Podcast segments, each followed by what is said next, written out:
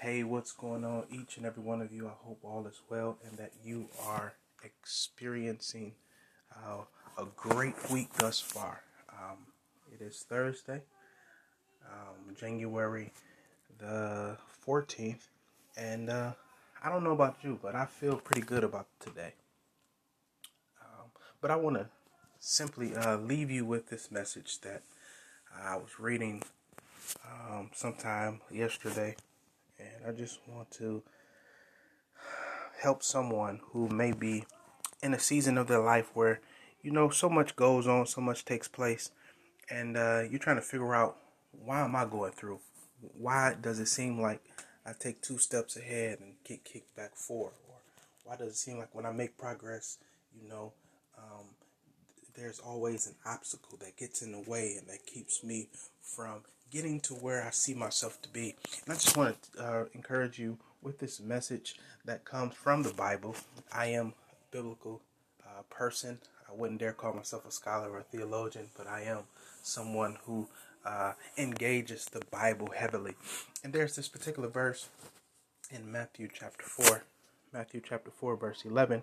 It says, Then the devil left him, and behold, angels came and were ministering to him the notion that I want you uh, to get, or the picture that I want to paint in in the frameworking of your mind, is that Jesus Himself was tempted by the devil for a season, and yet after He um, rebuked the devil, after He um, refused and disengaged uh, the, the, the, the enemy, angels came and they ministered to him.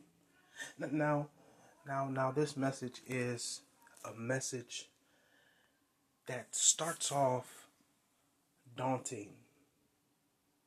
Because if you read Matthew chapter 4, you would read and understand that Jesus is led to the wilderness to fast and spend time with God. If you read the correct translation, it says Jesus was led by the Spirit of God into the wilderness to fast for 40 days and when he came out of the wilderness, of course, you understand the concept of fasting. The practice, the Christian practice of fasting, is to refrain, abstain from eating and drinking. Uh, so, Jesus for 40 days did not eat. Jesus for 40 days is in spending intentional time with God. And I think that is a point for me to parenthetically pause and say, it is essential for us as Christian believers to spend time with God. What what do I mean by that? How do I spend time with the God that I do not see or cannot see? Well, God gave us his word. And within his word, we have the ability to open up our words and to reflect over what God left behind through his inspired breathe into different prophets so that they can write these uh, chapters and, and books.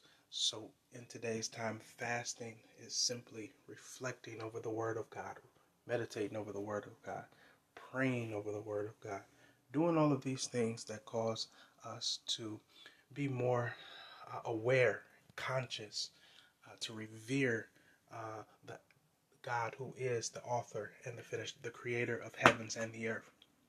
So, so, so Jesus is in the wilderness spending time with God for 40 days, 40 nights. He comes out and the devil meets him. Again, oftentimes in our life, it seems as if we're on the right track. It seems as if we're doing what we're supposed to do. But there's always this opposing force, this, this, this, this, this this obstacle that seems to, to to pose a threat in our lives and to keep us from our destinies, keep us from our destinations. But the reality of it is, Jesus shows us in those moments of being tried and tempted by the enemy that we ought to get into that intimate place, reflect over the Word of God, live by the Word of God. This is where the Christian's faith comes from by hearing the Word of God, but then doing the Word of God so that uh, you can begin to see the promises of God unfold in the reality of your life. So Jesus is now coming out of this place and and he is teaching us that there are oftentimes seasons in our lives, seasons in our lives where we are in pursuit of something great. Maybe you have been going through a collegiate experience and in your mind you I'm going to come out of college and I'm going to get this job and and and it seems as if you filled out application but you don't immediately get a job in your field. You in life interrupts. An opposing force interrupts and it puts you on hold. Maybe in your perfect uh, frameworking or, or vision that you thought you were going to be married at a certain age and have a family at a certain age, but it did not happen exactly how you planned it and how you fathomed it in your mind. Or maybe you thought that you were going to uh, be this this this this, this great uh, great person and and you were going to engage these uh, these these tangible these tangible experience but but maybe you're going to travel the world or go to and from but you weren't able to do as you thought. Reality of it is something happened. And it was an opposing force. It was something that halted your progress. Therefore you did not accomplish the way that you felt as if you should have. I want to encourage you to keep on going. Keep trying. Get the word of God in you. Psalm 119 says, Let me hide thy word within my heart so that I may not sin against you. It is the word that is to be entered into our spirits so that in the right season we will have the right ammunition to fight that in which seeks to keep us from making it to where God sees us to be. So Jesus is coming out, and this is what he is encountered by. He's encountered by the devil. The Bible says the devil. The devil can be a demonic message. The devil can be a person with an evil spirit. The devil can be something that seeks to steal, kill, and destroy your destiny. But yet Jesus enters out of fasting the whole intention of fasting was to spend time with God to get closer to God. But when he comes out, he's as far away from God you would think he is. But the whole purpose of fasting is to remind you that even when you think you are far from God, he's really right there. When you internalize the word of God and keep it on the inside, digest it, marinate on it, meditate on it, you understand that the word of God is in you. And therefore, if this is what Jesus teaches us because the devil tried Jesus three times he said, If you're hungry, because I know you've been fasting, I know you have not been eating, why don't you turn these stones into bread and consume the stones? Why don't you use your power? Jesus says, No man shall not eat, live off the bread alone, but every word that proceeded out of the mouth of God. He Jesus then begins to cite scripture. He cites the word of God. And it is the word of God that helps him to fight against the attack of the enemy. and that's a word for somebody that when the enemy comes and he poses a threat and he tempts you and tries you and tries to get you to misuse or mishandle the power that God has given you, you have to know when to record or recite the word of God to defeat the attack of the enemy. Man shall not live live off of off of bread alone, physical bread, but men should live off of every word that comes out of out of every word that comes out of the mouth of God, which is to say that there is a certain uh, level of substance that comes from us digesting the Word of God, that it has a way of fulfilling us and keeping us in seasons of life when we are battling the attack of the enemy. Chew on the Word of God you will find out a new season in, in, in season that it will give you the nutrients in which you need to fight the attack of every enemy that seeks to stand your way. Again, Matthew chapter 4, verse 11, and it reads Then the devil left him. At, the devil tried and tempted Jesus three times. Upon the last time, Jesus had enough. He rebukes the devil. Bible says the devil left.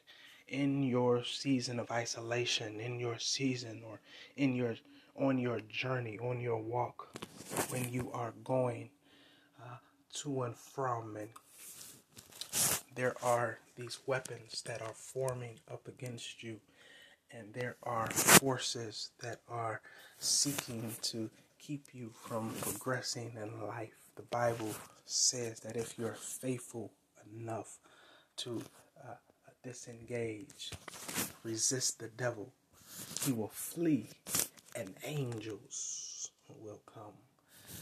That God has angels waiting to minister to you. That word minister in the Greek literally is a word uh, that is that means that the angels are are like servers at a restaurant. You know when you have that restaurant experience, you walk in the door, they tell you to stand on the side.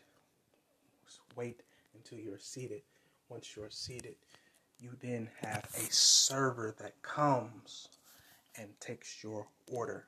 They serve you and they make sure that you're well taken care of in that experience. This is what Matthew is trying to get us to see that when we refuse and re, uh, resist and rebuke the enemy, angels come and they minister, they serve us, they take your order, they stand by your table side and make sure that you are taken care of to make sure you are protected, that God has has you and, and this is what happens to Jesus that after he is tried and he completes the test and he does great on the the test angels come and come by his side and minister to his every experience. That's the word that one needs to understand that when you are confident and bold and stand on the word of God, you cannot lose. But so many people lose their strength and their power because they can't take a bold declaration in the word of God for so many reasons. But I want to encourage you that when you stand on the word that God has given you, angels will come take care of you. And God will make sure that He will supply every one of your need according to His riches and glory that is in Christ Jesus. Jesus beat the test, He overcame the test so that you would have a cheat sheet, so to speak, in order for you to conquer the test, the, so that you can come out victorious and that you can uh, be the representation or the example or the testimony for somebody else who is going to go through. Keep fighting.